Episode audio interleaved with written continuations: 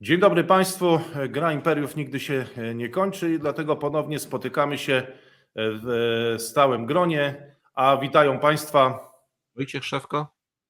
i Radosław Pyfel. Proszę Państwa, przede wszystkim chcielibyśmy zacząć od podziękowań za mnóstwo ciepłych słów pod adresem Gry Imperiów i za wsparcie, czy to jeśli chodzi o przyciski na YouTube, czy Patronite, czy tradycyjne przelewy. To pozwala nam rozwijać ten format.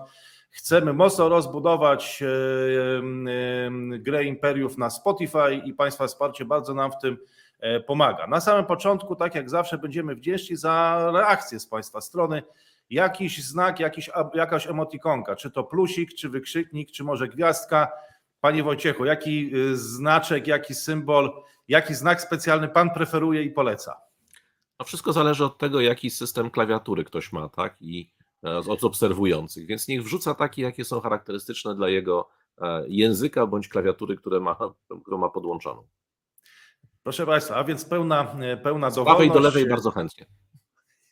Pełna dowolność. Jesteśmy ciekawi, jakie znaki będziecie Państwo preferować, ale też będziemy bardzo wdzięczni za tą reakcję już na samym początku, bo to daje nam pewność, że nie dyskutujemy sami i że mamy mnóstwo uczestników tej dyskusji.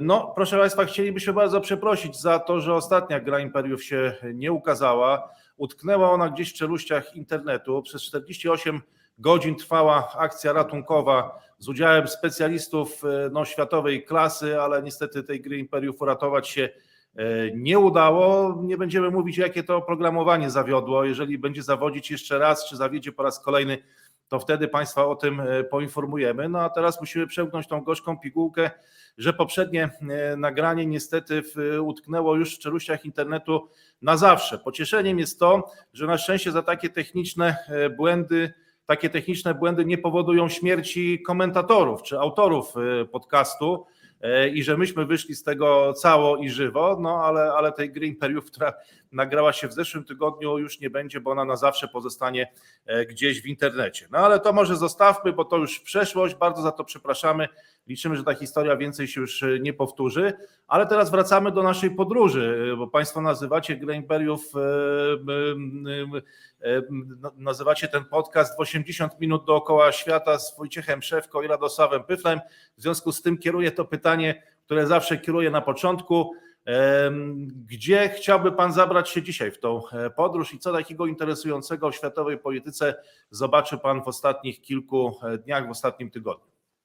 Czy to tradycyjnie musimy rozpocząć od najbliższego wschodu? To wiadomo, to już jest taki stały element i pewnie będzie długo stałym elementem naszych spotkań, ale potem dobrze byłoby się przenieść już poza Europę i to dosyć szybko. Z całą pewnością możemy poopowiadać o OPEC-u, Arabii Saudyjskiej, relacjach amerykańsko-saudyjskich i tak dalej, bo one są no, nierozerwalnie związane zarówno z tymi polami bitewnymi Ukrainy z jednej strony, jak i z niedoszłymi polami bitewnymi na przykład w Zatoce Perskiej.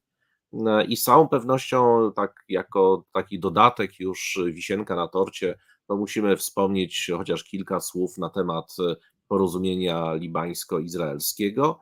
No to jest bardzo, bardzo rzadkie zjawisko na Bliskim Wschodzie. Zwykle się mówi o jakichś wojnach, zerwaniach umów, bombardowaniach, prześladowaniach, a tutaj udało się dwóm państwom jednak bardzo wrogim dogadać się w sprawie delimitacji granicy morskiej. I to ma pewne swoje konsekwencje polityczne i gospodarcze, zarówno dla samego Libanu, dla Izraela, jak i być może jeszcze dla kilku innych procesów, które obserwujemy na Bliskim Wschodzie.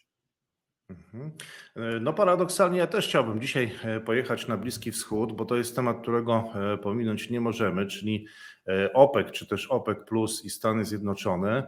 Te posunięcia OPEC zeszłego tygodnia, czyli organizacji producentów i eksporterów ropy naftowej, która jednak nie usłuchała Joe Bidena, czy też tu Arabia Saudyjska, która gra w tej organizacji pierwsze skrzypce, e, nie usłuchała tej prośby, aby zwiększyć podaż ropy naftowej na rynkach światowych, co no, w sposób nieuchronny będzie prowadzić do e, wzrostu cen tego surowca, przynajmniej zatrzymania na dotychczasowym wysokim poziomie, no co pewnie wkrótce zobaczymy na naszych stacjach e, benzynowych. Więc to na pewno kwestia, która wymaga omówienia, bo tutaj reagują Stany e, Zjednoczone i mamy do czynienia z taką wielopłaszczyznową czy wieloaspektową grą wielu imperiów, bo oczywiście jest Rosja, są Stany Zjednoczone, jest Arabia Saudyjska, wspomniany Bliski Wschód, no także oczywiście Chiny i inne kraje, które również e, w tej grze w jakiś tam sposób uczestniczą albo są punktami odniesienia i o tym wydaje mi się, że na pewno warto e, wspomnieć. Dużo dzieje się również e, w Azji, gdzie mamy w Astanie konferencję dotyczący, w skrócie to jest CICA, czyli Konferencja Interakcji na rzecz bezpieczeństwa czy też wzrostu pewności siebie w Azji. Tak moglibyśmy przetłumaczyć ten, ten format, gdzie w Astanie znowu spotkali się wszyscy wielcy Eurazji. To taka trochę powtórka z Szanghajskiej Organizacji Współpracy. Mówi się o wizycie Olafa Scholza w Pekinie na początku listopada przed szczytem G20. No a w niedzielę wybór prawdopodobnie no, na 99 już chyba i 90% wybór Xi Jinpinga na trzecią kadencję, co też może mieć pewne znaczenie dla polityki chińskiej zarówno wewnętrznej, jak i zewnętrznej i o tym chciałbym dzisiaj wspomnieć. Również chciałbym, żebyśmy porozmawiali, a także o tym, co stało się ostatnio w Białym Stoku, gdzie bardzo ciekawa rzecz, bo wystąpienia czterech ambasadorów krajów azjatyckich, Japonii, Korei, Wietnamu i Malezji oraz radcy handlowego ambasady Chin, więc tutaj na linii Polska-Azja też wiele się dzieje. No i właśnie też na Podlasiu, gdzie przebiegają te szlaki handlowe, przejeżdżają właściwie przez Podlasie te szlaki handlowe i tam się też stykają interesy globalnych, globalnych mocarstw i bardzo było ciekawe to, co ambasadorowie właśnie w Białymstoku mówili przedwczoraj i o tym też pokrótce, chyba na samym końcu warto, żebyśmy wspomnieli. No ale oczywiście nie możemy uniknąć tematu pól bitewnych Ukrainy i chyba od tego powinniśmy zacząć. Jak ocenia Pan sytuację za naszą wschodnią granicą po tych referendach, kontrofensywie, potem ukraińskiej, potem no możemy chyba powiedzieć, że kontrofensywie rosyjskiej, która przybrała taką no, formę dosyć brutalną, czyli tych ataków rakietowych na miasta ukraińskie. Jak Pan ocenia ostatnie dni i czego spodziewa się Pan w najbliższej przyszłości i w, w nadchodzących tygodniach? No, musimy wspomnieć najpierw o referendach, o których no, nie, nie, udało nam się wspomnieć, bo nam właśnie wykasowało poprzednią grę imperiów. No, te, te referenda się odbyły. Rosja ogłosiła aneksję terytoriów do, do Rosji. Co więcej, ogłosiła również, że będzie broniła tych terytoriów, czyli będzie wszelkimi sposobami, bo od tej pory traktuje te terytoria jako terytoria Federacji Rosyjskiej. No w odpowiedzi na to mieliśmy ofensywę ukraińską, która zdaje się w tej chwili utknęła, to znaczy ona już dalej się nie posuwa, są raczej jakieś tam ruchy wojsk rosyjskich, odzyskiwanie czy zdobywanie kolejnych miejscowości, głównie w obwodzie donieckim ale w międzyczasie mieliśmy również atak na most i ten atak na most, no tam wskazuje się, że co prawda ten ładunek wybuchowy to przyjechał z Bułgarii, pojechał do Gruzji, potem do Armenii, potem znowu do Gruzji, potem do Rosji. Tam były dwie ciężarówki, jedną prześwietlono, zdaje mi się, na, podczas importu tego, te, tych towarów do, tylko nie wiem właśnie, czy te zdjęcia, które pokazują, to są zdjęcia drogowe, czyli z granicy gruzińsko-rosyjskiej, czy to są jeszcze z, może z Armenii. W każdym razie aresztowano ileś tam osób, zresztą jeszcze były kolejne aresztowania w Rosji współpracowników, jak twierdzą oczywiście Rosjanie, służb ukraińskich. To może być powiązane, znaczy od razu zaznaczam, być może te pierwsze aresztowania doprowadziły do, do kolejnych, ale tak czy inaczej był to, jakkolwiek nie został przeprowadzany ten atak, to z całą pewnością to pokazało jednak niezdolność państwa rosyjskiego do zapewnienia bezpieczeństwa nawet takiej najbardziej chronionej infrastrukturze, którą jeszcze kilka miesięcy temu chwalono się, że jest to w ogóle jedno z najbardziej chronionych miejsc w Rosji. No jak się okazuje, to jest wielka żółta kartka dla kierownictwa FSB. No i to kierownictwo zaczęło aresztować różnych ludzi, być może po to, żeby chroniąc się również przed, przed zwolnieniami czy przed jakimiś tam degradacjami. No ale w odpowiedzi również w tym samym czasie mamy w Rosji wymianę dowództwa zarówno wschodniego, jak i zachodniego okręgu wojskowego i mamy nowego dowódcę mm, wojsk rosyjskich e, prowadzących wojnę na Ukrainie, który wykazał się w Syrii wyjątkowo dużą skutecznością.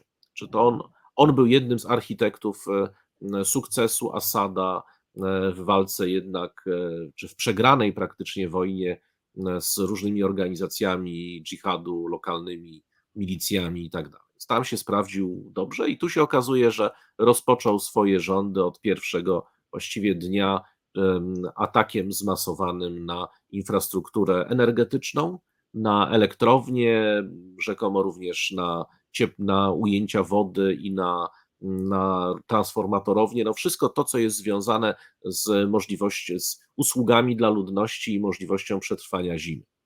E, co prawda, ta kampania się już zdaje się zakończyła, to znaczy nie ma ciągu dalszego, bo można było się spodziewać, że te rakiety będą leciały na Ukrainę jeszcze przez kilka tygodni, no ale Rosja chyba nie ma aż tylu rakiet manewrujących. Ale tak czy inaczej, te straty ze strony ukraińskiej są spore. I to, co warto podkreślić, to chyba to, że, Ros, że zmienił się paradygmat, zmienił się, mm, zmienił, zmieniło się pryncypium polityczne tej wojny. To znaczy, do tej pory poprzedni dowódcy, e, czy to tak w ten sposób tłumaczą swoją nieudolność, czy tak było w rzeczywistości, dla nas nie ma to znaczenia. Po prostu mówimy o tym, co Rosjanie mówią o tym. Tak? Więc do tej pory w rosyjskiej e, propagandzie i logice tego konfliktu to był konflikt polegający na wyzwalaniu. Prawda? Czyli chodziło, czyli walka była nie z Ukrainą, tylko z nazistami. E, celem tej, tej, tej wojny była denazyfikacja, było wyzwolenie ludności rosyjskojęzycznej od opresji nazistów. Tak? To mniej więcej taka retoryka panowała. A w związku z tym e, infrastruktura cywilna była oczywiście e, atakowana, ale jednak nie była podstawowym celem. Podstawowym celem były albo, albo wojska, albo zakłady, które świadczyły jakieś tam usługi dla wojsk. Oczywiście to nie znaczy, że nie bombardowano zgrupowań ludności czy domów cywilnych, ale w każdym razie to nie było to clue tej kampanii. Można odnieść wrażenie, że teraz to się o tyle zmieniło, że teraz e, już e, Rosjanie atakują i bombardują e, obiekty przede wszystkim cywilne i zaczęli traktować tę wojnę jak wojnę z wrogim krajem i wrogim narodem. Czyli przestali, krótko mówiąc, oszczędzać ludność cywilną, a wręcz przeciwnie, stosują trochę podobną taktykę jak w Syrii. No tyle tylko, że w Syrii tej infrastruktury specjalnie cywilnej za dużo nie było, bo ona była już zniszczona na początku wojny, więc tam wielkich elektrociepłowni nie bombardowano, no ale bombardowano na przykład szpitale, tak, to co, co tego nie ma wątpliwości. Co prawda znowu te szpitale też były wykorzystane bardzo często, jako jedyne zresztą często murowane i solidnie zbudowane budynki za, e, jako e, centra dowodzenia tych grup dżihadu. No, tak czy inaczej, szpital przestawał być już szpitalem, zaczynał być e, stosem gruzów. I o to chodziło zresztą, czyli o to, żeby, żeby ta ludność cierpiała jak najbardziej, ponieważ im większe jej cierpienie, no tym większa jej chęć do szybkiego zawieszenia broni, do wywarcia nacisku na te milicje, żeby już nie walczyły, tylko się poddały, bo i tak szans nie mają. Więc tutaj możemy mieć do czynienia z bardzo podobnym sposobem myślenia, czyli już taką, nie już w cudzysłowie specjalną operacją, tylko z taką rzeczywiście klasyczną wojną, gdzie naród ukraiński jest uznany za wroga, którego trzeba zniszczyć. No i oczywiście, co te, te działania rosyjskie mają charakter klasycznych, takich podręcznikowych zbrodni wojennych, co do tego nie ma najmniejszych wątpliwości. No ale z drugiej strony, jeżeli by Rosjanie byli w stanie kontynuować tę, tę walkę, no to możemy się spodziewać tak i kolejnej fali uchodźców, i dużej liczby ofiar cywilnych, i ogromnych zniszczeń infrastrukturalnych Ukrainy, które nawet jeżeli zostanie zawarty pokój, no to Ukraina się będzie odbudowywać z nich e, przez miesiące, jeżeli nie przez lata, a na pewno będzie to kosztowało wielkie ilości pieniędzy, których Ukraina zniszczona wojną nie ma. I w tym samym dosłownie czasie, czyli w tym samym czasie, kiedy to się wszystko dzieje, mamy cały zestaw e, różnego rodzaju e, i polityków, i biznesmenów, celebrytów, którzy nagle zaczynają wzywać do pokoju, pokoju za wszelką cenę, pokoju, który ma uchronić ludność cywilną Ukrainy. znaczy mówią krótko mówiąc Putinem, tak? Znaczy to jest realizacja dokładnie scenariusza Putina, czyli proszę bardzo, tak naprawdę za brak rozmów, za tą hekatombę ofiar odpowiadają władze ukraińskie, bo one się nie chcą usiąść do stołu rokowań, a przecież Rosja powiedziała, że w zasadzie jak jeszcze tylko im się odda ten resztę tego Doniecka, Ługańska, Zaporoża i, i Hersońszczyzny, no to oni są na razie usatysfakcjonowani, tak? Czyli przyłączą to sobie do Rosji, a Ukraina niech tam sobie będzie na zachodzie o ile chce. No, zakładam, że pije pan do, e, do Elona e, Maska, który e, w taki ekstrawagancki sposób jakieś dwa tygodnie temu zaproponował pewien rodzaj referendum i w ogóle te jego tweety, jak rozumiem, były pewną formą wywarcia presji na Ukrainę, żeby już to skończyć, że on chyba zdaje się zasugerował, że to nie ma sensu, bo wynik jest znany i żeby te działania wojenne zakończyć, był głos i tam chyba chodziło o referendum, żeby ludzie zdecydowali, a Krym powinien Tak, żeby jeszcze, żeby jeszcze referenda przeprowadzić. Tak. On zresztą, zdaje mi się, rozwiązywał również w tym samym tygodniu problem tajwańsko-chiński. Generalnie zajął później, się, tak. może ponieważ może mu akcje Tesli, znaczy te, te, Tesla, Tesla mu się nie sprzedaje, to może w takim razie zajął się teraz rozwiązywaniem problemów globalnych. Przedsiębiorstwo mu, e, przedsiębiorstwem No, sobie nie no. radzi. No właśnie, z tego co, co Pan mówi, to jest kilka ciekawych dylematów, e, jakby wynikających z tego obrazu, który Pan przedstawił. Jeden to jest e, taki, jak duża jest przestrzeń między taką wojną konwencjonalną, którą obserwowaliśmy do tej pory, chociaż i tam e, zdarzały się okrucieństwa i zniszczenia i no coś, co moglibyśmy nazwać i zakwalifikować Zbrodnie jako wojenne, tak. wojenne. E, Tak jest, e, ale jak duża jest ta przestrzeń między tym, co widzieliśmy do tej pory, a, e, a użyciem atomu, czyli tym powiedzmy ostatnim szczeblem tej sekwencji eskalacyjnej. No i okazuje się, że jeszcze mogą dziać się różne rzeczy pomiędzy tymi dwoma jakby momentami czy punktami tej, tej sekwencji.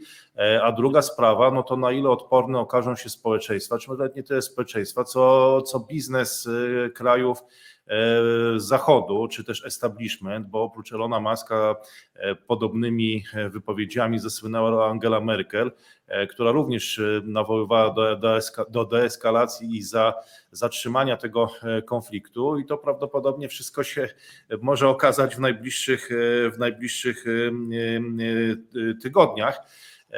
Tu ciekawe, że Rosja eskalując jakby dyplomatycznie nie odnosi sukcesu. No pytanie jest na ile, e, na ile to może mieć wpływ na działania na polach bitewnych. No bo z jednej strony przegrywa zdecydowanie to głosowanie w Zgromadzeniu Ogólnym e, Narodów Zjednoczonych.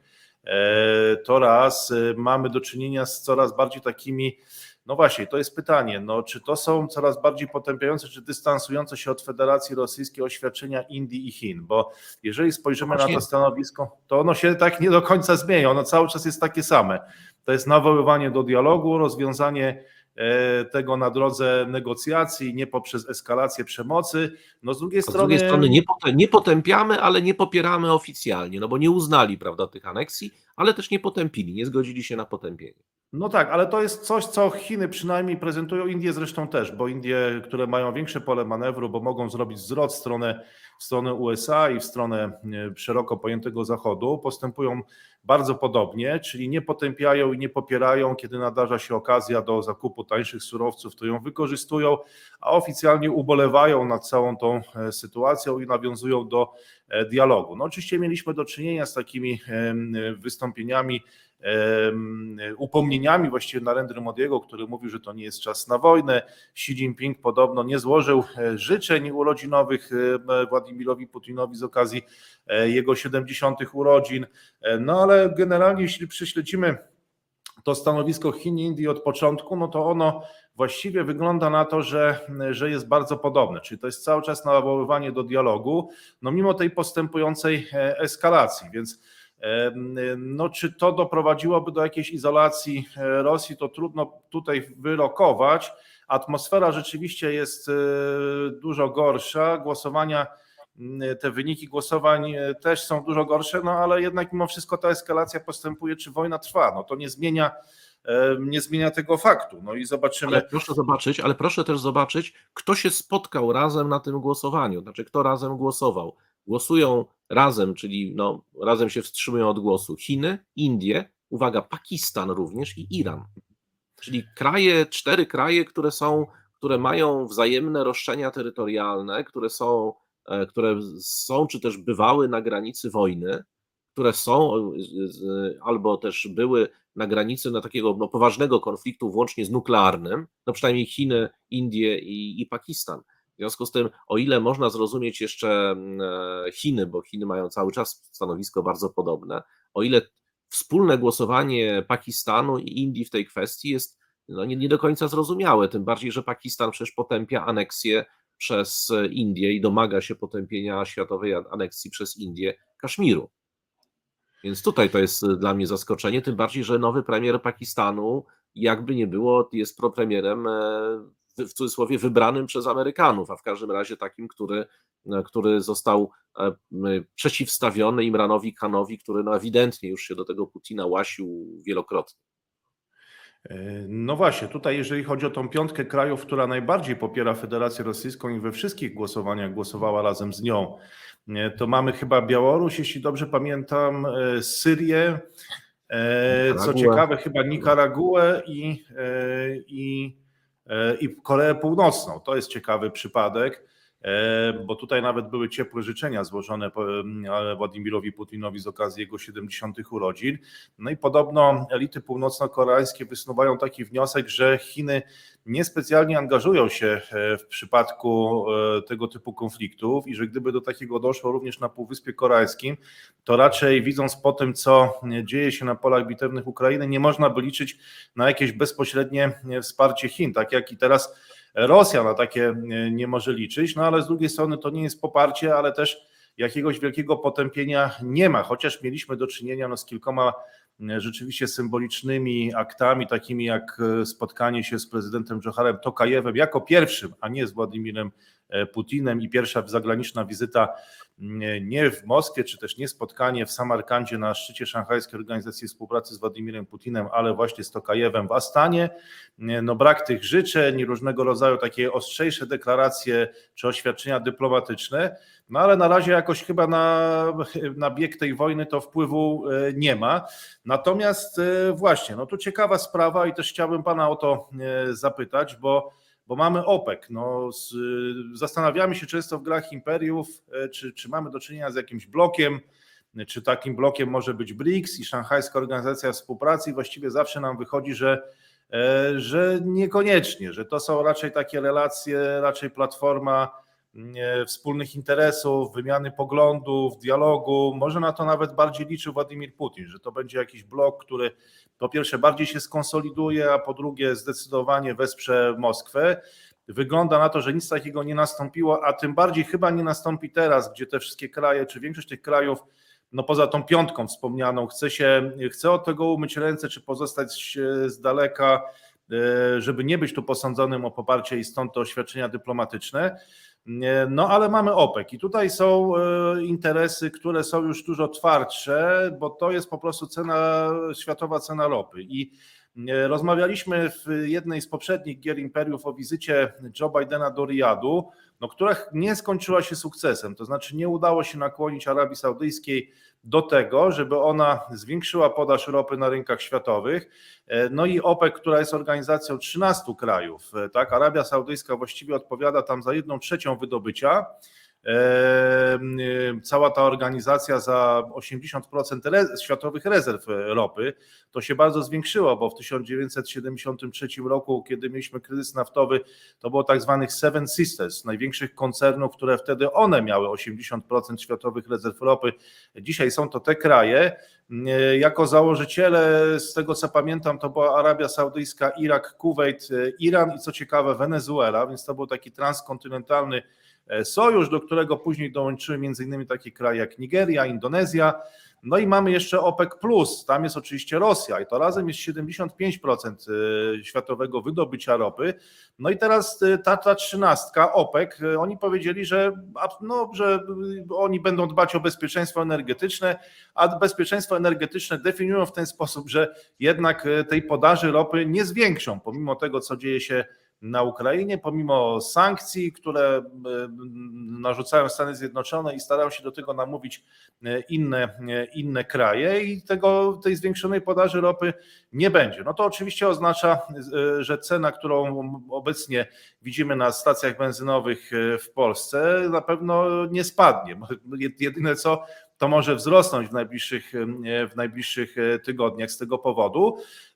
No i Amerykanie musieli zareagować, więc pierwszą rzeczą, którą zrobili, to ponieważ oni są jednak paradoksalnie największym producentem i eksporterem ropy naftowej, no to, no to oni stwierdzili, że ze swoich rezerw tą podaż globalną troszkę zwiększą, to pierwszy ruch, no a drugi zaczęto krytykować Joe Bidena za to, że on w ogóle do Riyadu pojechał, że on w ogóle utrzymuje, starał się te relacje z Arabią Saudyjską utrzymać na wysokim poziomie, no i zagrożono z zakazem sprzedaży broni do Arabii Saudyjskiej. No i tutaj pytanie, Właśnie, jest no Mhm. właśnie, jak pan to ocenia? Czy Arabia Saudyjska sobie bez tej amerykańskiej broni poradzi? Czy kupi broń rosyjską wtedy, czy ona będzie równie skuteczna i zapewni poczucie bezpieczeństwa e, no,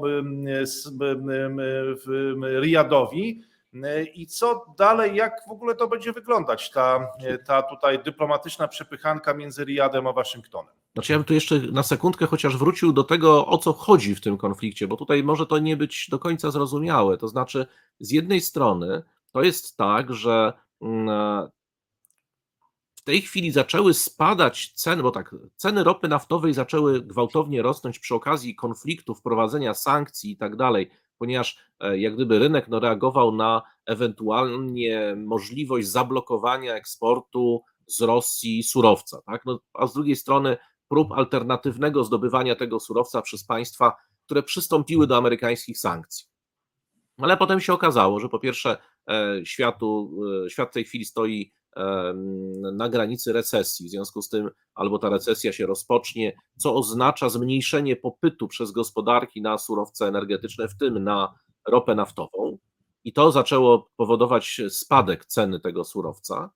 No i druga kwestia jest jeszcze taka, więc jakby to, e, więc to nie chodzi o to, czy zabraknie tego surowca, czy też nie, bo Arabia Saudyjska mówi, że ona dba o to, żeby tego surowca na rynku było cały czas tyle samo, czyli będzie zawsze reagowała na zapotrzebowanie. Czy jak się zapotrzebowanie na rynku zwiększy, to oni zwiększą produkcję, czy doprowadzą do tego, że OPEC zwiększy produkcję i to nie ma żadnego z tym problemu.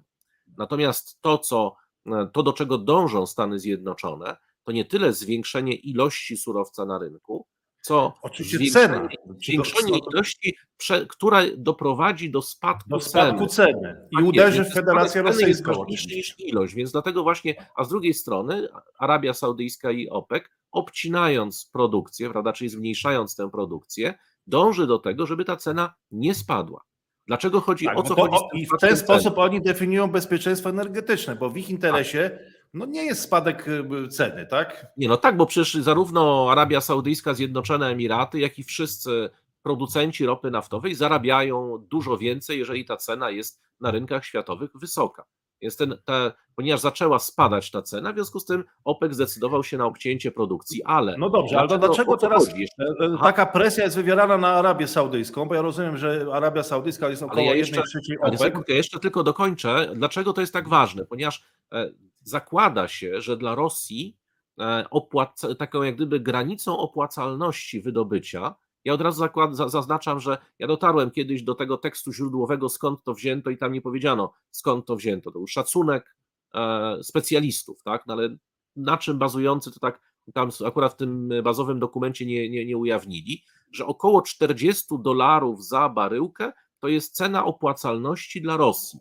Czyli krótko mówiąc, jeżeli ta cena spada albo oscyluje w okolicach 40 dolarów, to Rosja nie zarabia pieniędzy. A tutaj istotą nie jest bezpieczeństwo energetyczne, istotą nie jest ilość tego surowca, tylko chodzi o to, że dla Rosji sprzedaż gazu i ropy naftowej, nawet dużo bardziej gazu niż ropy naftowej, ale no, obu tych surowców w każdym razie, jest to jedno z podstawowych źródeł dochodu budżetowego. Czyli krótko mówiąc, te sankcje, wszystkie inne dotyczące tam różnych drobiazgów, jakichś tam części, nieczęści, jakichś tam, nie wiem, skór, skór bobrowych i tym podobnych, to to są wszystko rzeczy śmieszne w porównaniu z sankcjami, które miałyby zmniejszyć opłacalność sprzedaży przez Rosję ropy naftowej. A pamiętajmy też, że te kraje, które z Rosji kupują tę ropę, one chcą tę ropę na dodatek kupować e, trochę taniej, bo tu koszty ryzyka, bo tu sankcje, bo problemy z rozliczeniami. No mieliśmy takie sygnały chociażby ze strony Indii, znaczy ze strony Indii były dość dobrze opisane również w prasie indyjskiej, więc można sobie o tym poczytać. Czyli krótko mówiąc, to to, że gdyby ta cena spadła na rynkach światowych, to automatycznie jeszcze obniża te marże rosyjskie, a w związku z tym obniża zdolność Rosji chociażby do zaspokajania potrzeb budżetowych, w tym budowy armii, prawda? W tym kupowania, to co teraz obserwujemy, na przykład od Białorusi, czy od Korei, czy od, czy od Iranu, czy być może jeszcze od innych krajów, kupowania na przykład broni, którą będzie można na tę Ukrainę wysłać. Więc to był cel Stanów Zjednoczonych, więc na tym polega, czyli, czyli prośba amerykańska była nie ekonomiczna, tylko polityczna. Stany Zjednoczone zwróciły się do swojego sojusznika, czyli Arabii Saudyjskiej, którego bronią jakby nie było od lat przed Iranem e, i to bronią skutecznie, a kilka razy już zdarza, zdawało się, że ten Iran jednak nie wytrzyma i ten, te guziki swoje na tych, e, na, na, na, na tych spustach rakiet na, naciśnie. W związku z tym Stany Zjednoczone oczekiwały, że Arabia Saudyjska zgodzi się na zmniejszenie nieco swoich zysków, ale z drugiej strony to bardzo silnie, w Arabię Saudyjską uderzy to słabo, a bardzo silnie uderzy to w Rosji. E, Tak jest, ale tu jeszcze jedną rzecz chciałbym e, dodać, że e, właściwie chyba nie tylko aspekt polityczny, ale również ekonomiczny, bo czy biznesowy z punktu widzenia Stanów Zjednoczonych, bo jeśli Arabia Saudyjska no nie wyrazi na to zgody, także inne kraje OPEC, tu zresztą nie ma im się co dziwić, bo niższa ceny ropy nie jest w ich interesie i uderza jakby w ich biznes, który one prowadzą, także między innymi w takie kraje jak Nigeria czy Indonezja, Wenezuela i tak dalej, i tak dalej, no to teraz Stany Zjednoczone będą musiały same w jakimś stopniu dołożyć się do finansowania tych sankcji, bo jeżeli one wrzucą czy zwiększą podaż tej ropy na świecie i cena tej ropy spadnie, no to to będzie kosztem kosztem także, który poniosą, poniosą Stany Zjednoczone tutaj w tym, w tym wypadku, czy one będą musiały zwiększyć ponoszony koszt tych sankcji, które są nakładane na Federację Rosyjskiej. No i to także jest tutaj kwestia już ekonomiczna czy biznesowa. A OPEC może wtedy kolejne cięcia przeprowadzić, prawda, żeby utrzymać tę cenę, więc mamy już taką wojnę cenową ze Stanami Zjednoczonymi. I prawdę tak Co teraz Stany Zjednoczone mogą zrobić w relacjach z Riadem i Arabią Saudyjską? Jakie mają tutaj lewary na, no już... na monarchię Saudów? No jeden z podstawowych lewarów to jest jednak kwestia zbrojeniowa. To bardzo ładnie wczoraj mm, szef komisji, Senackiej Komisji Spraw Zagranicznych Menendez powiedział bardzo wyraźnie, i to znaczy on powiedział to bardzo dosadnie, bo tam Departament Stanu i Biden mówili bardzo oględnie, że muszą zostać zrewidowane, że rozpoczynamy debatę w tej kwestii, że w najlepszym interesie. Menendez powiedział wprost: Stany Zjednoczone powinny zaprzestać, jeżeli tak to wygląda, to przy, powinny przestać być tarczą dla Arabii Saudyjskiej, chroniącą Arabię Saudyjską przed Iranem. On tak ładnie jeszcze powiedział, że ponieważ e, Teheran sypia z Moskwą, to w związku z tym załatwcie sobie u swoich rosyjskich przyjaciół, żeby was Iran nie atakował. Na pewno to zrobi. Ale to jest bardzo poważny lewar, ponieważ po pierwsze Stany, e, Arabia Saudyjska jest jednak uzależniona od dostaw rakiet, od dostaw części, od specjalistów amerykańskich, ponieważ ta większość jednak tej armii jest uzbrojona w różnego rodzaju wynalazki amerykańskie.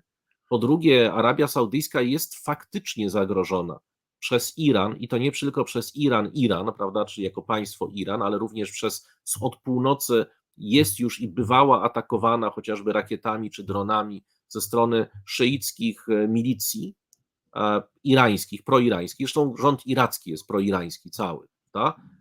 I z drugiej strony jest i była atakowana ze strony Jemenu.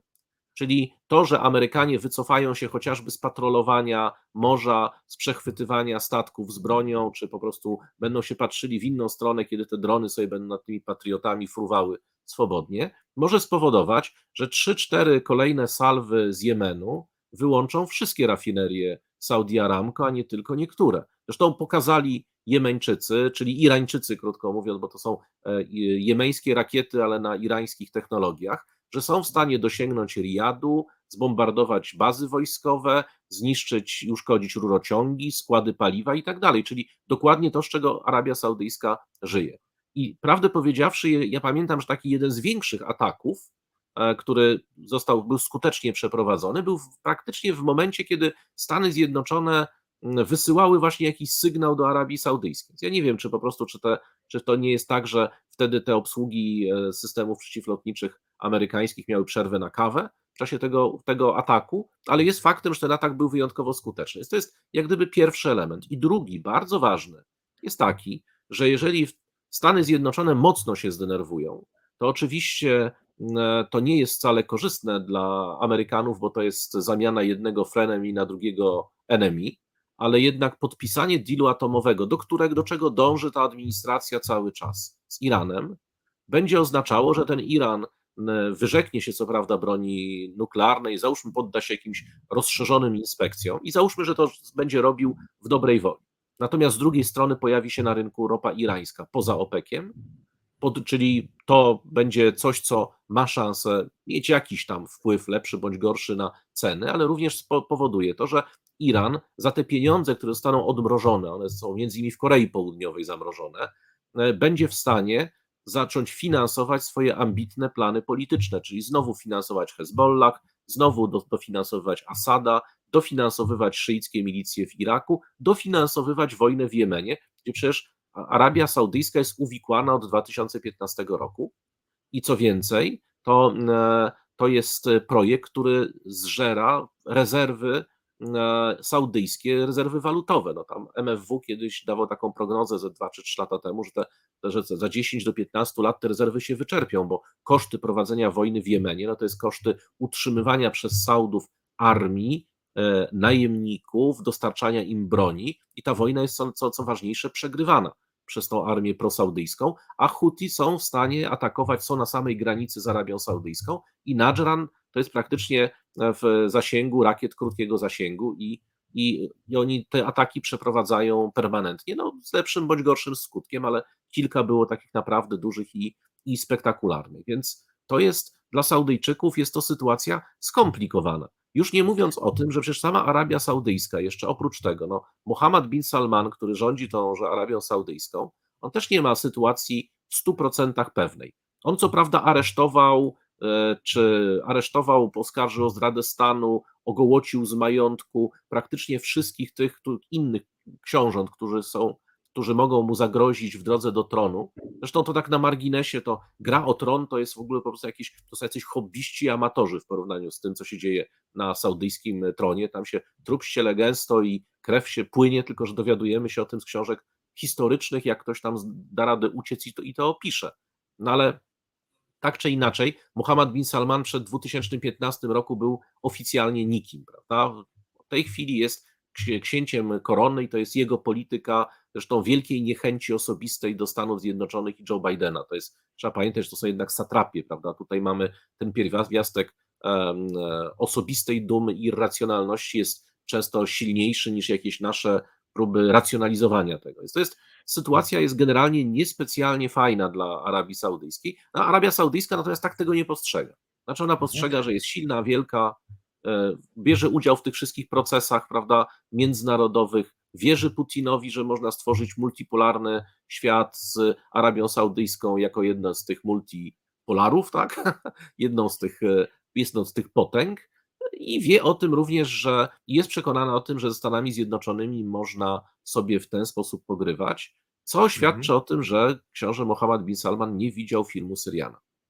No właśnie, bo tutaj y, właściwie dochodzimy do takiego e, punktu, gdzie mam wrażenie kończy się racjonalność i pytanie takie, które często pojawia się w grze imperiów, czy do głosu nie dochodzą właśnie te czynniki e, irracjonalne, bo jeżeli tak chłodno spojrzymy na te scenariusze, które e, się rysują i które wynikają z tego, co Pan powiedział, no to tak, albo Arabia Saudyjska uważa, że Stany Zjednoczone po prostu nie zareagują, czyli nie mają żadnych e, lewarów, albo będziemy mieli do czynienia z jakąś destabilizacją w tym regionie. Wystarczy tylko, że Stany Zjednoczone dopuszczą, tak jak Pan mówił, no, zwiększenie jakiegoś e, marginesu niebezpieczeństwa ze strony e, Jemenu chociażby, tak?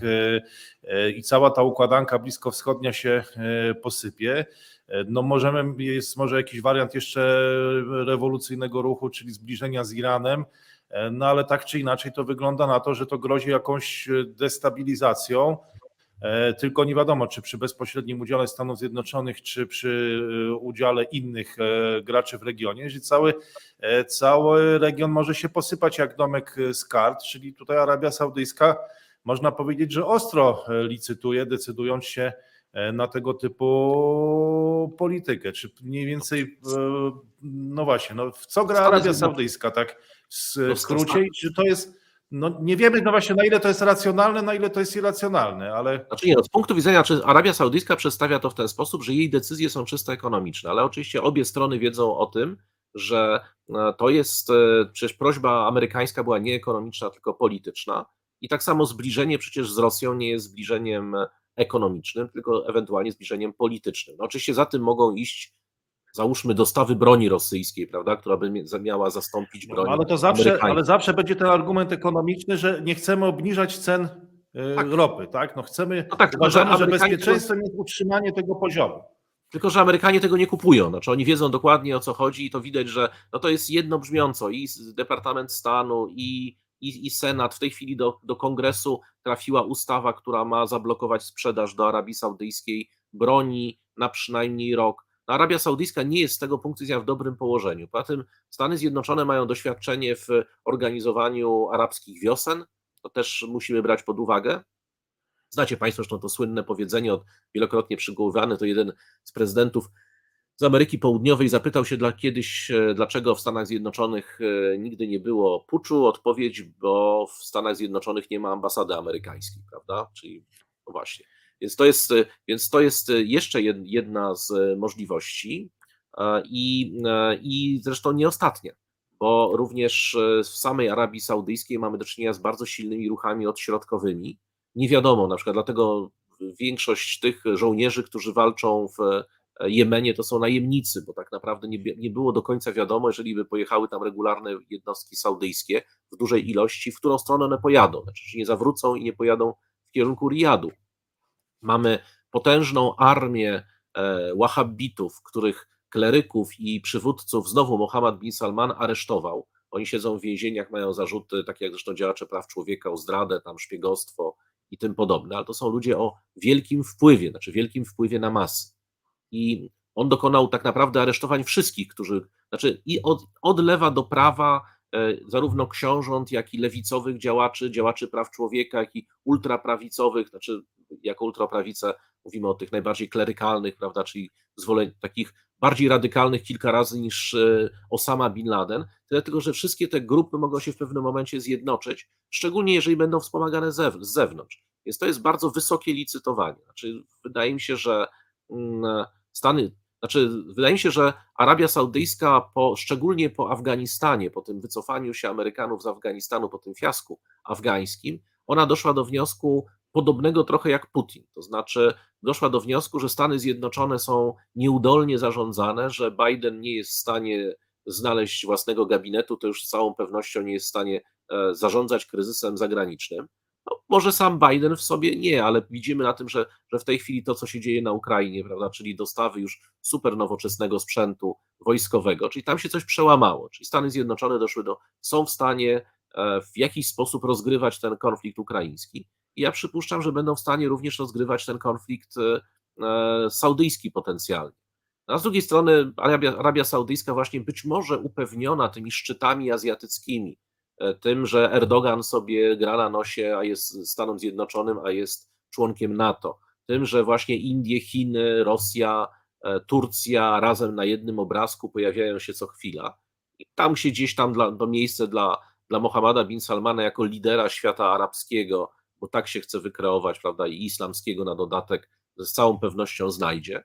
I po prostu uwierzył w siebie, znaczy uwierzył w to, że jest w stanie, że jest, e, że przy, jest przywódcą państwa, które z jednej strony twa, trzyma za gardło cały świat, bo może zakręcić kurek z ropą, e, przynajmniej na chwilę, czy przykręcać ten kurek. Z drugiej strony uznał, że Stany Zjednoczone są mocarstwem schyłkowym, tak? No, takim, które e, w Imperium Rzymskie, wtedy, kiedy już ci, już ci e, Germanie, prawda, pukają praktycznie, już są na Zatybrzu, no. Więc, więc uznał być może, że, że, że to jest właśnie ten moment i te, jeszcze właśnie to powtarzanie o tym multipolarnym świecie i przez Xi Jinpinga, i przez Putina, może po prostu trafiło do niego, że to jednak nie jest czas No, tego globalnego no. policjanta. No właśnie, to jest bardzo, bardzo ciekawe pytanie i bardzo ciekawa kwestia, to znaczy percepcji i oceny e, różnic, e, różnic w ocenie e, sytuacji. Najwyraźniej mamy do czynienia z takim zjawiskiem, gdzie być może Arabia Saudyjska inaczej, inaczej wycenia pozycję Stanów Zjednoczonych niż one same. No, problem z reguły w takich sytuacjach polega na tym, że trzeba będzie to sprawdzić i zobaczymy, jak to sprawdzenie wyjdzie, jaki będzie jego wynik. E, Trochę taki moment jak, e, jak w grze w karty, czyli teraz wykładamy karty na stół, no i zobaczymy, co z tego wyniknie. E, Te zjawiska, o których Pan wspomniał, czyli takiego sprawdzania i takiej niejasności, one właściwie rozlewają się po całym świecie, bo nawet jeżeli spojrzymy na Polskę, tu jest paradoksalna sytuacja. Nie wiem, czy to nie będzie lewar amerykański, bo mamy do czynienia z Aramco, która wejdzie na rynek polski w wyniku, e, w wyniku tego połączenia Lotosu z Orlenem E, i na przykład Jacek Sasin, no polityk e, niezwykle wpływowy, wpływowy, potężny polityk w realiach polskich, no zapowiedział już pogłębianie współpracy z Arabią Saudyjską i to po tym, kiedy kiedy Joe Biden właściwie no, powiedział, że Arabią Saudyjską trzeba się teraz zająć na poważnie. Więc e, tu mamy do czynienia z pewnym paradoksalnym też e, zjawiskiem, e, no bo mamy Lotos i Orlen, które się łączą i w to miejsce, w tą niszę, która jakby powstanie, wejdzie węgierski MOL i saudyjskie Aramco i ogłaszana jest już no, przez czołowego polityka rządowego chęć pogłębiania tej współpracy. Więc wygląda na to, że mamy do czynienia z wieloma ciekawymi zjawiskami i także tutaj, no, jeżeli e, spojrzymy na Azję i tu już powoli przechodząc troszkę od Bliskiego Wschodu do Azji Centralnej, to mamy kolejne spotkanie, czy też kolejny szczyt e, teraz tej organizacji e, interakcji i, w, i w jakby no, e, wzmacniania e, pewności, nawet nie, nie bezpieczeństwa, ale pewności Azji. to, się, to się tłumaczy jako budowę zaufania. Budowę zaufania. Budowę zaufania. No właśnie, więc jak to zazwyczaj w tych językach azjatyckich y, ró- różnie, różnie, to można, różnie to można tłumaczyć, czy budowę zaufania. No ale akurat słowo bezpieczeństwo tutaj się y, pojawia rzadziej, czy może jest mniej wyakcentowane. I to jest kolejny ciekawy format, bo on powstał, to jest pomysł Nursultana Nazarbajewa z 1992 e, roku i to jest już szósty szczyt. Pierwszy odbył się w Almaty w 2002 roku i mieliśmy aż 11 e, prezydentów, e, którzy się tam pojawili. Może, żeby e, dać, ja nie, niestety nie pamiętam wszystkich, nie potrafię ich wymienić, ale, ale mogę tą listę przytoczyć. To był Azerbejdżan, Irak, Iran, Katar, e, e, e, Rosja, Tadżykistan, e, Turcja, Uzbekistan, e, Kirgistan e, i Pakistan. E, Do tego jako obserwator był Aleksander Łukaszenko, czyli to był 12 uczestnik tego szczytu i wiceprezydenci e, z Chin i Wietnamu, więc to można powiedzieć, że naprawdę jest mocny, e, mocny skład. No i o ile te właśnie, no trudno powiedzieć, żebyśmy mieli tu znowu do czynienia z jakimś blokiem, zarówno BRICS, jak i Szanghajska Organizacja Współpracy, no doszliśmy do takiego wniosku, że jednak takim klasycznym blokiem w rozumieniu zachodnim czy też polskim to nie jest, ale jednak liczba tych formatów współpracy się e, mnoży e, i, e, i, i e, przywódcy spotykają się coraz częściej. I nawet jeżeli oni tego bloku nie będą tworzyć formalnie, no to co chwila coś będą uzgadniać i ta agenda tych relacji między nimi, często są to, jak wspomniał Pan wcześniej, kraje, które są ze sobą skonfliktowane, no ta agenda będzie się zwiększać. Do tego mamy ciekawą sytuację w samych e, Chinach, które 16 października prawdopodobnie już rozstrzygną tą kwestię trzeciej kadencji dla Xi Jinpinga. Wydaje się, że to był taki punkt e, odniesienia w polityce. Tak. Ale jeszcze, jeszcze wracając, bo jak już przejdziemy do Chin, to już tu nie wrócimy, a ja bym jeszcze chciał a propos właśnie tego szczytu, bo tam było kilka ciekawych wystąpień. Po pierwsze, no prezydent Erdogan, który, czy Erdogan, prawda, tak się powinno prawidłowo wymawiać, tylko wtedy nikt nie będzie wiedział, o kim mówimy.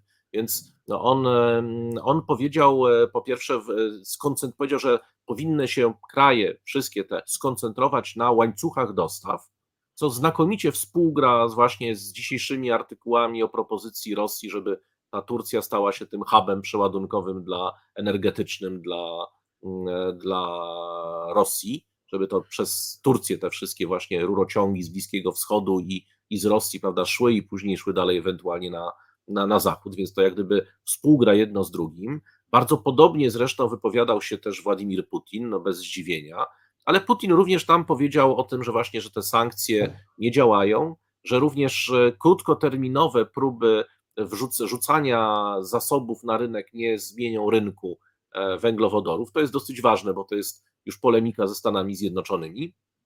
Oraz no mamy tam widać e, z wideo różne takie właśnie spotkania kuluarowe, między innymi właśnie jakieś serdeczne spotkanie i rozmowy Pakistanu z Białorusią na przykład. Łukaszenko tam, tam bryluje. E, Kuwait, który przystąpił do tej organizacji, ale chyba ważny też element, my musimy to obserwować, że niestety to pewnie się pojawi w dokumentach końcowych, czyli już po naszym programie. E, Rzekomo tam ma zostać również uchwalony, czy podjęta decyzja o stworzeniu wspólnego budżetu organizacji, i to już będzie wtedy dużo poważniejsze nawet niż owej szanghajskiej organizacji współpracy, bo to by instytucjonalizowało nam tutaj ten, ten, ten szczyt w jakiś sposób. Więc ma się pojawić jakiś wspólny budżet i zapewne jeszcze wspólny sekretariat, czyli jakaś próba strukturyzacji tej organizacji. No to już wtedy przestaje być forum spotkań, a zaczyna być, to być klasyczna organizacja międzynarodowa. Zobaczymy tylko, czy to się ziści, bo to jest to, że tak e, za- zapowiadała prasa, z tego co widziałem, e, kazachska, że coś Mhm. takiego zostanie tam przedstawione, ale być może się strony nie zgodzą, to jest inna rzecz. No tutaj podejrzewam, że największy entuzjazm rzeczywiście muszą przejawiać Kazachowie, no bo to jest ich e, inicjatywa, e, to jest ich pomysł, czy pomysł Nursultana Nazarbajewa z 2000, e, przepraszam, z 1992 roku. Inna sprawa, że jeżeli takie formy instytucjonalizacji miałyby się udawać, to raczej nie ze względu na działania Rosji czy Chin, bo to pewnie wywoływałoby obawy innych e, e, partnerów czy innych uczestników tych inicjatyw, ale pewnie jakiegoś takiego kraju jak Uzbekistan, Kazachstan, gdzie wszyscy spotkaliby się na wspólnym gruncie. No chyba też nieprzypadkowo w Europie wszystkie instytucje europejskie, czy większość z nich zdecydowana, tak, no mieszczą się w, akurat w Brukseli, tak, gdzie Belgia była takim wygodnym krajem dla wszystkich, ale rzeczywiście co z tego wyniknie, no to, to zobaczymy. Tutaj jest Ciekawe to pytanie, kiedy ostatecznie to się zinstytucjonalizuje i czy, i czy się zinstytucjonalizuje, bo nie wyszło to w przypadku BRICS. Potem wydawało się, że główna przeszkoda, czyli napięte relacje Indie, Chiny zostały usunięte, ale nie stało się to na forum Szanghajskiej Organizacji Współpracy. No i zobaczymy, czy tutaj e, doszłoby do, e, do jakiejś formy no, ustrukturalizowania e, tego tej, tej, tej współpracy i jej zinstytucjonalizowania właśnie na gruncie czy poprzez inicjatywę kazachską. Mm, No dobrze, to może, może teraz Chiny. chyba w sposób naturalny możemy przejść do kolejnego, kolejnej stolicy z kolejnego imperium, kolejnego wzgórza e, światowej polityki, jaką są e, Chiny, bo tu mamy ciekawą sytuację już w tą niedzielę i na pewno będziemy to komentować w kolejnych grach imperiów. To był punkt odniesienia przez ostatnie miesiące, czyli, czyli to przedłużanie, rozstrzygnięcie kwestii przedłużenia władzy dla Xi Jinpinga i wydaje się, że Chiny postępowały bardzo zachowawczo zarówno w polityce wewnętrznej, E, Tutaj wydaje się, że przejawem tego była ta strategia zero COVID i dosyć mocnych e, restrykcji, chociaż ona nie charakteryzowała tylko Chiny. Teraz ostatnio Japonia e, zniosła restrykcje dla turystów indywidualnych, którzy, mo- którzy mogą przyjeżdżać do Japonii już e, bez ograniczeń, a to się stało dopiero na początku tego tygodnia. E, No w każdym razie wygląda na to, że jeżeli Chiny tą e, kwestię już ostatecznie rozstrzygną, tą kwestię przedłużenia władzy dla Xi Jinpinga, to mogą stać się dużo bardziej aktywne i to zarówno w polityce wewnętrznej, jak i międzynarodowej. Przejawem tego jest gra, którą prowadzi e, no, tutaj Wydaje się, że Niemcy czy Olaf Scholz, e, który ma odwiedzić Pekin 3-4 listopada, to są wciąż jeszcze spekulacje Politico, no ale to by pokazywało, że nie tylko e, no, Jacek Sasin, tak jak już tutaj wspomnieliśmy, prowadzi tą grę gdzieś na styku tych e, mocarstw, że rozwijana jest ta współpraca z Arabią Saudyjską i to w sytuacji jej e, starcia ze Stanami Zjednoczonymi, czyli jakby i tutaj Polska gdzieś tam szuka jakichś jakiś nisz, jakichś elementów, em, jakichś właśnie niekonsekwencji w tym nowo kształtującym się układzie. Natomiast jeżeli chodzi o, o tą wizytę Olafa Scholza, no to można powiedzieć, że to jest coś wręcz podobnego. Tam zapowiadano e, większą delegację Europejczyków. Mówiono o Hiszpanii, nawet e, mówiono o Italii. Przede wszystkim dziwił, dziwił był tutaj brak Francji. Gdyby to była samodzielna wizyta Olafa Scholza, który pojedzie oczywiście z delegacją biznesu, tak przynajmniej mówi e, Politico, ale poruszy kwestie drażliwe związane z prawami człowieka.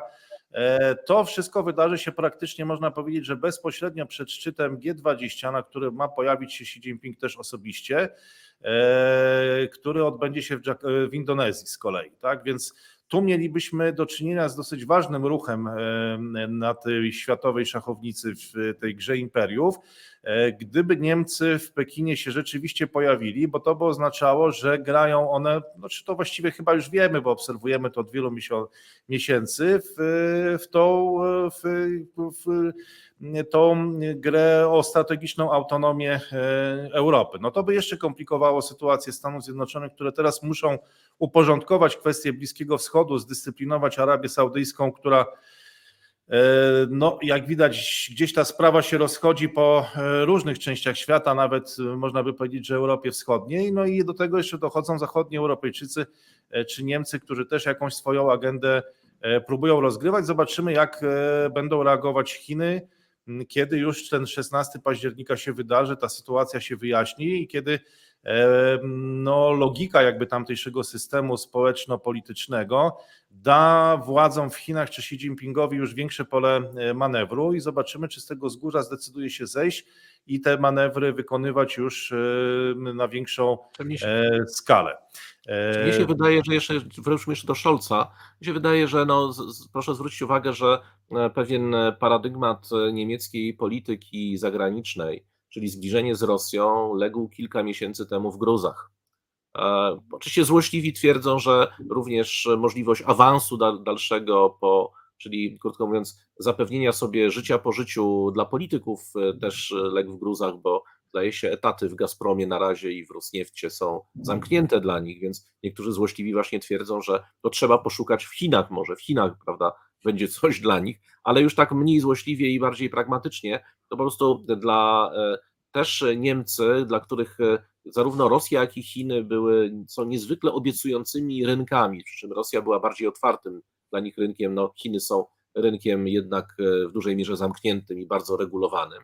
Więc tego typu wizyta państwowa może próbować przełamać to, bo to są decyzje na, na szczeblu politycznym, a nie, a nie można powiedzieć merytoryczno-ekonomicznym dotyczące współpracy, otwartości rynku, możliw ochrony inwestycji, ale również zapewne Niemcy dostrzegły pewną, e, pewną szansę, ponieważ Stany Zjednoczone zdają się, e, znaczy relacje chińsko-amerykańskie, gospodarcze są bardzo silnie w tej chwili poddane tej, tej nu- nucie politycznej, tak? Czyli możemy się spodziewać jakichś ograniczeń, jakichś sankcji. No teraz na przykład, chyba zdaje się, zniesiono embargo na import aluminium, e, ale to, tego typu embarga mogą się pojawiać, e, a Niemcy nie realizujący politycznej agendy mają być może nadzieję na to, żeby się tam gdzieś w to miejsce po Amerykanach natychmiast e, wepchnąć z różnymi swoimi towarami, inwestycjami, biznesem, czy nawet, czy nawet e, produkcją, krótko mówiąc. Więc to jest taki dobry czas. Zresztą to tak jest, że w momencie, kiedy jakiś rynek się nagle otwiera, to Niemcy mają błyskawiczną, błyskawiczny czas reakcji. Ja pamiętam, jak się otworzył rynek irański, to właściwie te samoloty niemieckich biznesmenów razem z politykami na, na, następnego dnia zaczęły tam w tym Teheranie e, lądować, właśnie po to, żeby być jako pierwsi na miejscu. No i zresztą na tym Niemcy budują sobie swoją, swoją potęgę gospodarczą. E, No właśnie, tutaj wygląda na to, że ta historia może się powtórzyć. Jeżeli te spekulacje e, Politico ostatecznie się potwierdzą, to Niemcy mają szansę być jako pierwsi już 3-4 listopada, czyli zaraz po, e, zaraz po 16 e, października. No ale to na pewno będziemy obserwować. Oczywiście skutki tego, co wydarzy się na, na kongresie partyjnym, są też daleko bardziej idące dla samej polityki wewnętrznej Chin i i także polityki zagranicznej, które, które Pekin będzie prowadził, ale to myślę, że skomentujemy już w następnej grze imperiów, kiedy będziemy bogatsi o tą wiedzę i o to, co, co w Pekinie się e, w ten weekend, w ten weekend e, wydarzy. E, No i cóż, zdaje się, że chyba jeszcze przed nami Bliski Wschód e, i znów e, powrót e, właśnie w tamte okolice. E, Izrael, Liban, a potem wracamy do, do Polski, która ma stać się taką bramą do Europy i relacji polsko-azjatyckich. Więc co tam e, na Bliskim Wschodzie? Bo nie możemy z niego wyjechać chyba najwyraźniej i podejrzewam, że tak będzie bardzo często w kolejnych Znaczy my generalnie krążymy po Azji, tylko czasami tę Azję znajdujemy e, na progu własnego domu, ale to już jest inna sprawa. Jeśli chodzi o e, to, co się wydarzyło w Libanie, to tylko warto o tym krótko wspomnieć, ponieważ jest to coś, co się, się zdarza rzadko, to jest coś pozytywnego. Udało się dokonać e, delimitacji granicy morskiej między Izraelem i Libanem. No, wydawałoby się, że cóż to, cóż, cóż to takiego nadzwyczajnego? No, nadzwyczajne w tym wszystkim jest to, że z jednej strony Izrael zgodził się na bardzo daleko posunięte koncesje wobec e, Libanu, praktycznie oddając pola gazowe Libanowi, pomimo tego, że ta linia jest już mocno przechylona w kierunku Izraela, to jednak, jednak to porozumienie jest promowane przez obecny rząd jako historyczne. No, przez opozycję jest kontestowane, ale to już jest inna sprawa. Z drugiej strony Liban w ten sposób i Hezbollah, który odgrywa kluczową rolę jednak w polityce libańskiej. Otóż e, sam Liban zaakceptował to porozumienie, ale proszę zobaczyć, co, co, jakie to ma znaczenie polityczne. No Liban, a w, każdym bądź razie część partii politycznych libańskich, tych, które są partiami antyizraelskimi, czy to są sunnici, czy to są, czy to są partie szyickie, prawda, Hezbollah, Hamal, one kwestionują w ogóle istnienie Izraela. Mówi się, a w każdym razie Izraela w tych granicach. Mówi się o północnym Izraelu, mówi się tymczasowo okupowane przez Izrael terytoria Palestyny. No jeżeli to są tymczasowo okupowane, to nie ustala się granicy. No bo to nie jest granica, prawda? To jest jakaś linia, to się ładnie czasami linia styku, linia kontaktu, linia zawieszenia broni, ale nie jest to granica jako taka. I tutaj wyznaczenie, delimitacja granicy oznacza de facto, że z drugiej strony podpisuje się umowę no, z państwem, a w związku z tym to państwo z drugiej strony ma suwerenność nad terytorium. I tak to jest interpretowane przez Izrael, że to jest taki krok na drodze do normalizacji, że z jednej strony, z jednej strony Liban e, otrzymuje rzeczywiście bogactwa, które mu są rozpaczliwe i potrzebne, ale z drugiej strony Izrael otrzymuje de facto uznanie granicy, chociaż już i tak Nasrallah powiedział, że że no, ta delimitacja nie jest na stałe, to znaczy, jeżeli kiedyś zostanie już wyzwolone terytorium Palestyny, to oni nie będą się absolutnie kłócili o żadne delimitacje z nimi granicy. Czyli tutaj pokazane jest, że jeżeli że, że to jest tylko do czasu, kiedy tymczasowo Izrael e, okupuje, prawda? Czyli to nie jest uznanie tego na stałe. No ale tak czy inaczej, w prawie międzynarodowym to jest uznanie de facto. To jest uznanie de facto E, państwowości i suwerenności izraelskiej. Więc to jest jak gdyby z jednej strony. Z drugiej strony, jeżeli te pola naftowe, a tam zdaje się Total chyba e, francuski eksploatuje w tej chwili te pola, więc kiedy ta eksploatacja ruszy pełną parą, no to Liban jest państwem ogarniętym wszechstronnym kryzysem. Tak? Jakbyśmy sobie zaczęli wymieniać, jakie tam kryzysy są, to mieliśmy od kryzysu kiedyś śmieciowego poprzez kryzys energetyczny. E, kryzys energetyczny polegający również na tym, że tam gaz się doprowadzano z Egiptu aż przez Jordanię do Libanu, żeby w ogóle był jakikolwiek prąd w Libanie. W tej chwili własne pola gazowe to jest z jednej strony dochód, z drugiej strony jest to bezpieczeństwo energetyczne, czyli kraj, który jest krajem upadłym, on jest na granicy bankructwa. To bankructwo już parę razy było ogłaszane, potem odwoływane. Pamiętam właśnie, jak minister finansów powiedział, że jest, że zbankrutował, potem premier mówił, że on nie mógł powiedzieć tak, prawda, nie miał prawa, bo to nie, nie on ogłasza bankructwo, no ale to jest kraj, który zbankrutował i to jest kraj, który ma oprócz tego jeszcze bardzo głębokie problemy polityczne. E, jest jeszcze objęty sankcjami na dodatek ze względu na obecność Hezbollahu, który jest immanentną częścią systemu politycznego. Tak? To nie jest, to jest państwo w państwie, ale z drugiej strony państwo w państwie, które, które jednak kontroluje E, co najmniej połowę rządu, jeżeli nie więcej e, stanowisk, bo tam się, to nie muszą być konkretnie osoby też e, członkowie Hezbollahu, ale związani z Hezbollahem, czy popierani przez Hezbollah, czy z dobrymi relacjami z Hezbollahu i tak dalej. W związku z tym jest to państwo w permanentnym kryzysie, które przynajmniej z, tego, z tej części kryzysu gospodarczego ma szansę zacząć wychodzić bardziej obronną ręką. Ten dochód, ten gaz z całą pewnością Libanowi pomoże. Jest to jakiś pozytywny aspekt, bardzo rzadki e, bardzo rzadki na, na Bliskim Wschodzie. No i jeszcze tak już na marginesie to tylko powiem, że e, dochodził również w tym samym czasie do normalizacji stosunków między Hamasem i Syrią. Hamas, Bractwo Muzułmańskie, zwalczające czynnie Bashara al-Assada na polu bitwy, e, a z drugiej strony w tej chwili normalizujący stosunki z tym, że Basharem al-Assadem, co jest no, rewolucyjną zmianą w Hamasie, ale to podobno jest też związane być może z, z, trochę ze zmianą sponsora, że w mniejszym stopniu sponsorem jest, jest Turcja w tej chwili Hamasu, a w większym stopniu takim faktycznym sponsorem jest Iran. A poza tym palestyński islamski dżihad, który jest sponsorowany przez Syrię, zaczął być zbyt poważną konkurencją. Więc Hamas chce z, znormalizować stosunki z Syrią, doszedł do wniosku, że więcej, krótko mówiąc, ugra na tym, że, że, będzie te, że te stosunki będą znormalizowane, co zostało pozytywnie dostrzeżone przez Hezbollah. Czyli mamy takie tworzenie się pewnej osi Hamas, Hezbollah, które do tej pory no, walczyły ze sobą, no, czynnie walczyły ze sobą w Syrii. Żołnierze Hezbollahu walczyli z żołnierzami, czy tam z ekspedycyjnymi siłami Hamasu, chociażby pod Halab, czyli pod Aleppo.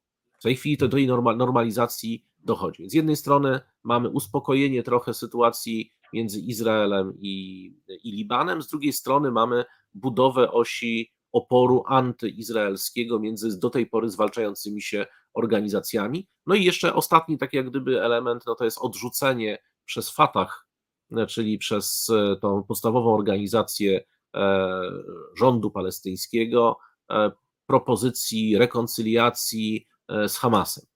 Bo taka rekoncyliacja była, została zaproponowana, tam kilka państw tym pośredniczyło. Hamas się jak najbardziej zgodził, Fatah to odrzucił. No, Fatah zresztą wie o tym, że, że w tej chwili z punktu widzenia, gdyby doszło do wyborów demokratycznych, to prawdopodobnie przegrałby i to tak już stromotnie z Kretesem, więc tam się, zresztą sam ten trójkąt, prawda, czyli, czyli organizacje palestyńskie, Liban, Izrael, to jest temat niewyczerpany i można byłoby godzinami opowiadać, bo tam się codziennie coś dzieje ciekawego, no ale taki krótki, krótki, krótki z lotu ptaka ogląd tego, co się, co się wydarzyło, to chyba jest coś wartościowego, więc będziemy co jakiś czas do tego wracać.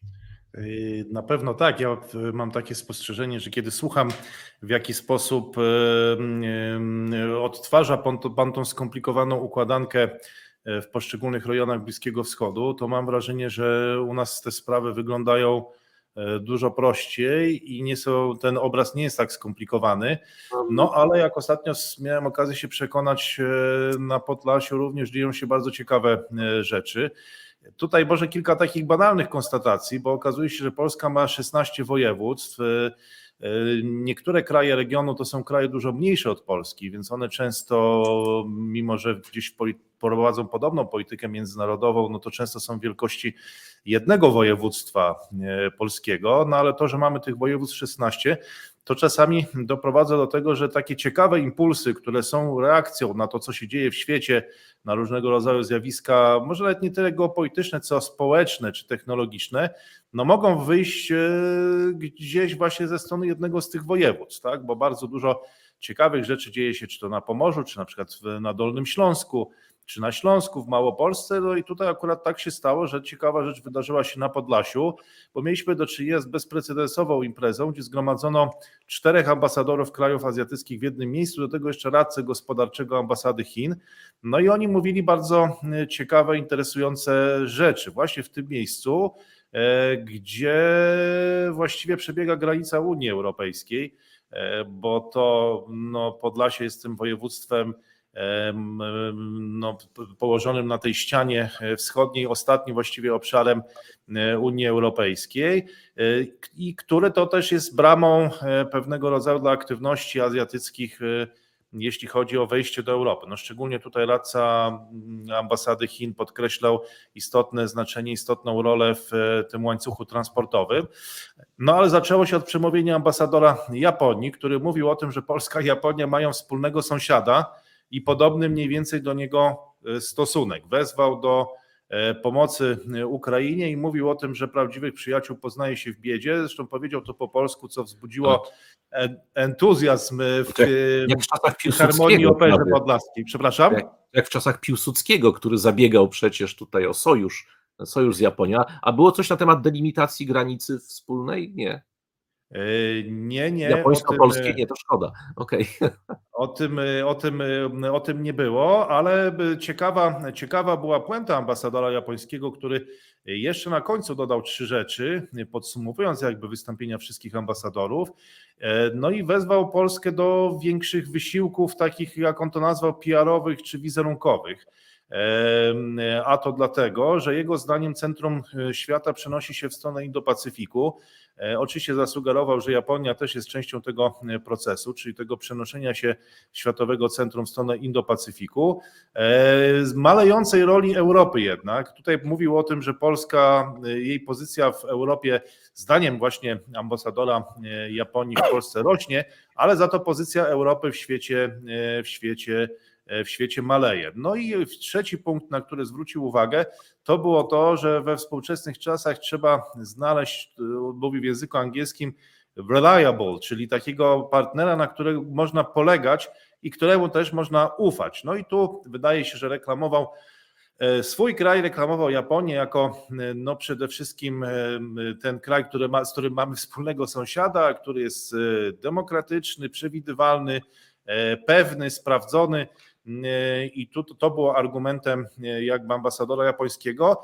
Mniej polityczne było wystąpienie ambasadora Republiki Korei. On nie odwoływał się jakby tutaj do, do tej wojny w, w, na Ukrainie, czy, czy w ogóle nie poruszał kwestii rosyjskiej, ale powiedział o trzech rzeczach, to znaczy o tym położeniu geograficznym Polski, że ono jest bardzo sprzyjające, że Polska jest położona w świetnym miejscu. No, Koreańczycy często mówią, że oni też są taką krewetką między wielorybami. Tego ambasador koreański może nie powiedział, ale, ale to się często gdzieś tam w rozmowach polsko-koreańskich pojawia. Mówił o tym, że gospodarka jest stabilna. No mimo, że teraz e, troszkę notuje gorsze wyniki, zdaniem ambasadora Korei to jest okres przejściowy, e, efekt postpandemiczny, wszystko wróci na, dobry, na dobre e, tory. No i trzecia rzecz to podziękował za, e, za, wsparcie, za wsparcie rządowe. Mieliśmy wystąpienie również pani ambasador Malezji, która mówiła e, o branży zbrojeniowej troszeczkę, mówiła też i kosmetycznej, co ciekawe, oraz o produktach halal, którego, których sprzedaż również rośnie między Polską a Malezją. E, No i ambasador Wietnamu, który wspomniał o roli diaspory wietnamskiej w rozwijaniu tych relacji między, między Polską a krajami Azji. E, e, I, w, i, to, i to wystąpienie, to wystąpienie radcy handlowego Chin, no, który mówił o, o szlakach handlowych, o istotnej roli Pols, Polski w tych e, transportach, które nadal e, przecież jednak pomimo tej wojny przedostają się, czy jakby te transporty są kontynuowane z obszaru Pacyfiku do Europy Zachodniej. E, Według danych oficjalnych polskich instytucji to jakby ten te wolumeny trochę spadły, około 8 do kilkunastu procent.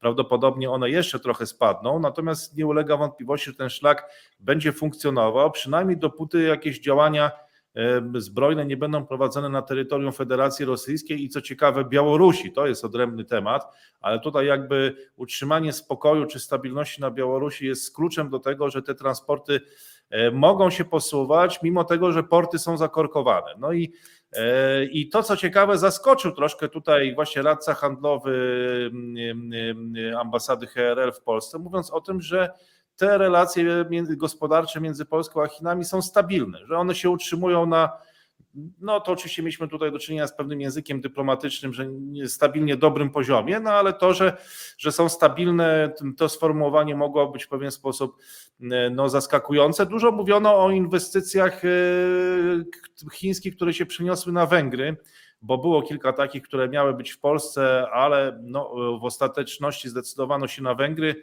My próbowaliśmy troszkę nawet i w kuluarach dowiedzieć się, jakie były tego przyczyny, no ale, Ale to, to pozostało pewnego rodzaju tajemnicą i zagadką, możemy się domyślać. Może pan ma jakieś Nie, no, hipotezy? nie, no przecież pamiętamy, że ten moment, kiedy podejmowano tę decyzję, to był moment tego aresztowania tych szpiegów chińskich u nas, deklaracji o tym, że Polska nie przystąpi w żadne, absolutnie, znaczy A to mówi pan o deklaracja- 2019 roku. yy, W, No to akurat, no to właśnie wtedy się podejmuje, pamiętam, że właśnie wtedy, e, wtedy właśnie były takie fora dotyczące inwestycji dużych infrastrukturalnych chińskich w Polsce i wtedy myśmy wykonali kilka takich gestów, które prawdopodobnie Chińczyków odstraszyły, no bo jakby nie było w sytuacji takiej, w której wydaliśmy z siebie deklarację, mówiąc pod wpływem Amerykanów, że, e, że nie, nie pozwolimy też na inwestycje w 5G. em, e, Mieliśmy wtedy to całe zamieszanie z Huawei'em zresztą w Stanach Zjednoczonych, pamiętamy te słynne aresztowania, e, więc Polska jak gdyby stanęła po stronie Stanów Zjednoczonych, no ale to, to sugerowało Chińczykom, e, że w takim razie no, wybraliśmy, znaczy, że będziemy, że jak gdyby, że możemy upolitycznić ten biznes, prawda? Czyli ten, który no być może też dla Chińczyków był polityczny, to jest zupełnie inna sprawa, ale że, że stoimy tutaj po stronie Amerykanów, albo że Amerykanie mają tak wielki wpływ na nasze decyzje gospodarcze, nie tylko polityczno-gospodarcze, że po prostu te inwestycje są mniej bezpieczne. Znaczy ja się No tutaj tak, ale- specjalnie Chińczykom, Chińczykom nie dziwię, bo oni to zresztą mówili wtedy otwartym tekstem, że to jest, e, że to jest. e, No tak, z tym, że y, muszę panu powiedzieć, że doszło do kilku paradoksalnych sytuacji, bo od tego czasu Chińczycy wygrali kilka y, przetargów w Polsce. To inna Może nie sprawa, tych, tak. Mhm. tak, może nie tych największych i takich najbardziej widowiskowych. Zresztą oni nie lubią tego jakoś może za bardzo reklamować, ale kilka tych przetargów zostało wygranych czy na rozbudowę infrastruktury, czy to obwodnicy miasta Łodzi, e, czy też branży energetycznej. E, I tutaj e, była to jedna z tych bardzo no już e, dużych miała być to inwestycji, około zresztą chyba zdaje się miliarda dolarów w zachodniej Polsce baterii do, baterii do samochodów elektrycznych, która gdzieś tam, jak rozumiem, miała działać w tym ekosystemie tej fabryki Tesli pod Berlinem, którą zbudował Elon Musk i teraz chyba za bardzo nie wie, co z nią zrobić, no ale ostatecznie do tej inwestycji nie dojdzie. Ta inwestycja przyniosła się na Węgry, gdzie mówi się, że będzie problem ze znalezieniem e, pracowników, że w Polsce to jest dzisiaj też e, duży atut e, i bardzo ważna rzecz przy inwestycjach. Nie tylko to, że, że ta siła robocza, jak to się mówiło w ostatnim trzydziestoleciu międzywojennym, że to siła robocza była tania, ale że ona w ogóle jest bo to zaczyna być problemem w Europie, w Europie Środkowej. No i zobaczymy, jak te inwestycje chińskie też- pójdą na Węgrzech. Ale też warto powiedzieć, no i warto to słuchaczom również przypomnieć, że, że biznes chiński jest bardzo silnie, przynajmniej niektóre przedsiębiorstwa są jednak bardzo silnie upolitycznione. To znaczy, nawet takie, których nam, nam się wydaje, że to, są, to jest, powinien to być taki normalny biznes, no, e, gdzie tam gdzieś wpływ państwa jest, ale nie powinien być zbyt wielki. Natomiast one bardzo często po prostu mają jakąś tam agendę, bardzo często też narzuconą przez plany polityczne, bo przecież jest to jednak gospodarka planowa przez plany polityczne. One po prostu często podejmują decyzje na bazie e, odległej od racjonalności liberalnej gospodarki, tak to sobie powiedzmy. Czyli po prostu dlatego, bo taka jest decyzja, no załóżmy Komitetu Centralnego, także ma ta inwestycja tam się pojawić, bo taka jest agenda polityczna. Nie we wszystkich przypadkach, ale bardzo często w takich zaskakujących również.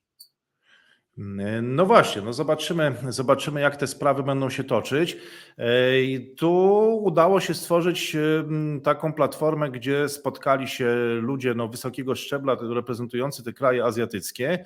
Doszło do tej wymiany poglądów. Nie powstał jakiś żaden blok, oczywiście, tak jak e, mówimy tu w kontekście BRICS-u czy Szanghajskiej Organizacji Współpracy, czy tej inicjatywy Nursultana Nazarbajewa, no ale powstała jednak jakaś platforma wymiany poglądów i było to bardzo świeże i ożywcze, tak? Trzeba to przyznać, a jak będzie to wyglądać dalej, to e, zobaczymy. Jest sporo tutaj rzeczy, które warto obserwować i którym warto się, e, e, którym warto się przyglądać. Więc, e, więc tak pomyślałem, że w tej naszej grze imperiów e, i w tej naszej podróży w 80 minut dookoła e, świata, no również zwrócimy uwagę na Podlasie, no bo tam e, działy się w ostatnich dniach rzeczy bardzo, e, bardzo e, ciekawe, do których no zobaczymy, pew- pewnie będziemy jeszcze być może, być może w przyszłości e, powracać.